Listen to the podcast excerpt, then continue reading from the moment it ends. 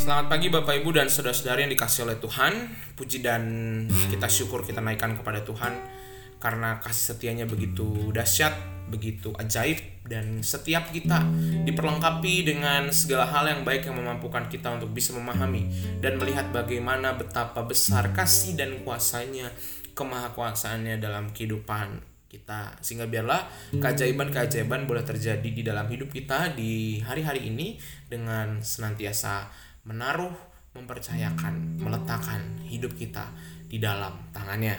Mari kita serahkan hanya di dalam sebuah pujian, kita pujikan PKJ 200 kudi ubahnya. PKJ 200 kudi ubahnya.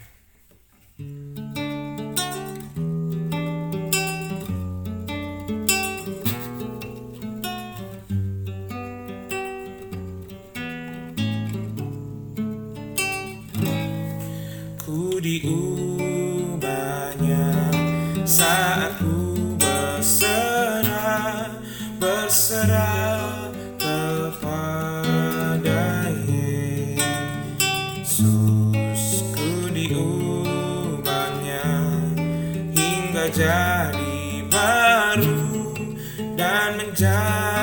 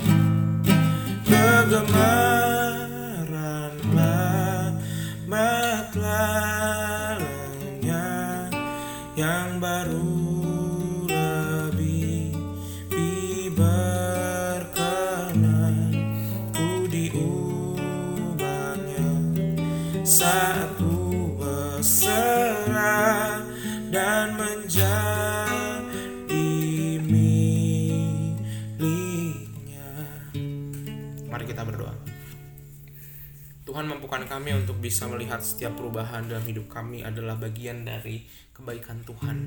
Karena banyak hal yang masih perlu kami perbaiki dalam hidup ini.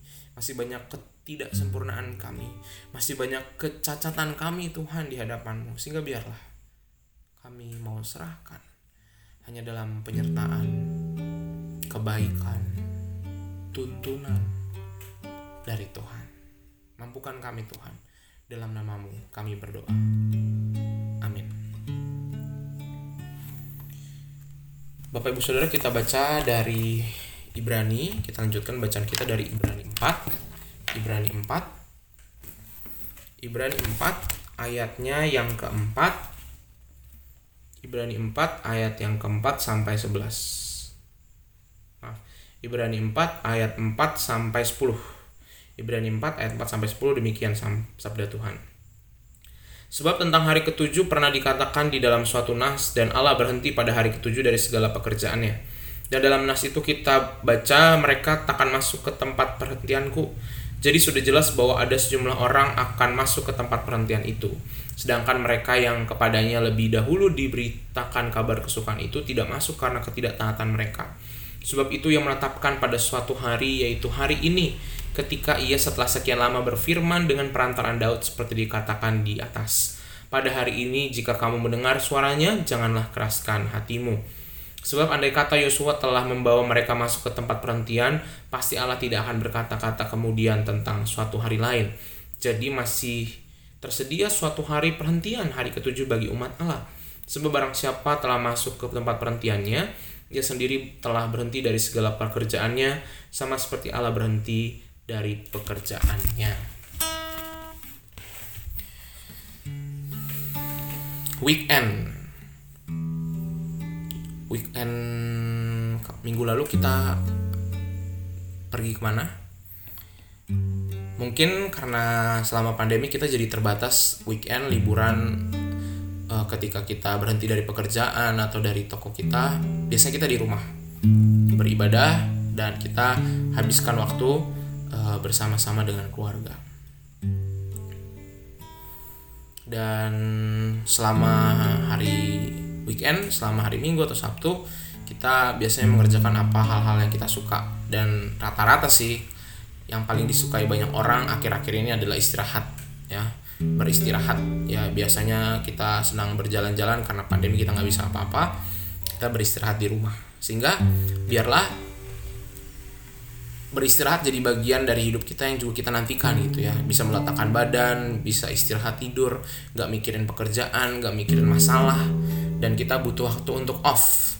Ibaratnya komputer komputer nggak bisa nyala terus atau TV nggak bisa nyala terus ada harus waktunya dia mati supaya dia nggak kepanasan.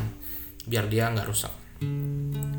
Nah ini yang kita juga baca dalam firman Tuhan bicara soal hari perhentian bahwa Allah saja memberikan waktu kita secara khusus untuk berhenti. Allah juga mengambil waktu mengambil jarak. Berhenti dalam arti bukan yang nganggur ya. Berhenti berarti mengagumi apa yang sudah kita lakukan yang sudah kita kerjakan. Allah setelah menciptakan dunia ini diambil waktu untuk melihat segala yang diciptakan baik adanya, kita juga sebagai orang Kristen harus punya waktu istirahat. Karena kadang kita mungkin karena kita sering kali lupa diri dan akhirnya kita bekerja melewati batas. Kita bikin kita buat diri kita sakit sampai kita lupa. Dan bekerja itu bukan hanya soal bekerja di toko atau di kantor ya bapak ibu saudara juga yang mungkin uh, sudah pensiun ataupun yang sudah usia lanjut di rumah. Kadang ketika anak-anak atau cucu sudah bilang sudah tapi kita masih semangat bekerja dan akhirnya kita kadang juga melukai diri kita bikin diri kita capek terus kita sakit. Sehingga semua orang tak lepas usia dari kecil maupun sudah lansia kita semua butuh waktu istirahat. Kapan waktu istirahat anda yang paling maksimal yang paling menyenangkan? Istirahat yang maksimal tidak selalu bicara oh saya bisa tidur 3 jam. Bukan. Atau bisa tidur cukup lama sehingga saya bisa santai-santai. Bukan. Istirahat kadang bisa cuma 15 menit yang maksimal tapi itu berkualitas apakah kita sudah punya waktu untuk diri kita sendiri bersama dengan Tuhan secara berkualitas tidak hanya bicara soal permohonan atau baca firman Tuhan bukan tapi waktu berdua untuk bersyukur kepada Tuhan terima kasih Tuhan hari ini sudah kujalani ngobrol sama Tuhan ataupun juga kadang kita perlu ngobrol dalam batin kita dan mengapresiasi terima kasih kamu sudah berjuang sampai hari ini. Sudah waktunya ini meletakkan pekerjaan, jangan dibawa lagi di pikiran. Sudah waktunya bersyukur dan beristirahat. Itu diperlukan dan kita perlu menepuk pundak kita sendiri dan berkata bersama dengan Tuhan kamu sudah mencapai banyak hal dan terima kasih sudah berjuang sampai hari ini. Terima kasih sudah berjuang, sudah sabar menghadapi banyak orang. Terima kasih sudah berjuang melewati batas kemampuanmu. Terima kasih sudah berjuang lebih sabar menghadapi banyak orang. Terima kasih sudah berjuang bahkan dalam ketidakcukupan kamu tetap bertahan. Terima kasih tetap sudah berjuang karena kamu tetap mempercayai Tuhan dan mempercayai dirimu bisa melewati ini semua. Semoga di hari ini dan hari depan kita juga terus bisa beristirahat, ambil waktu, bekerja tanpa lelah, tapi habis itu kita harus istirahat supaya kita bisa mensyukuri banyak hal. Amin. Mari kita berdoa Tuhan terima kasih. Terima kasih Tuhan adalah Tuhan yang baik yang bahkan ingat tuh memberikan kepada kami waktu libur yang sering kali kami sebagai manusia suka lupa ambil waktu sejenak untuk beristirahat. Mampukan kami Tuhan untuk bisa memahami bahwa istirahat adalah bagian dari ibadah kami kepada Tuhan. Syukur kepada Tuhan. Bersyukur untuk tubuh yang fana ini sehingga biarlah kami boleh mengistirahatkannya supaya ketika kami bangun ketika kami mengerjakan tugas kembali kami boleh mengerjakannya dengan sangat baik. Terima kasih Tuhan dalam namamu kami berdoa amin. Tuhan Yesus memberkati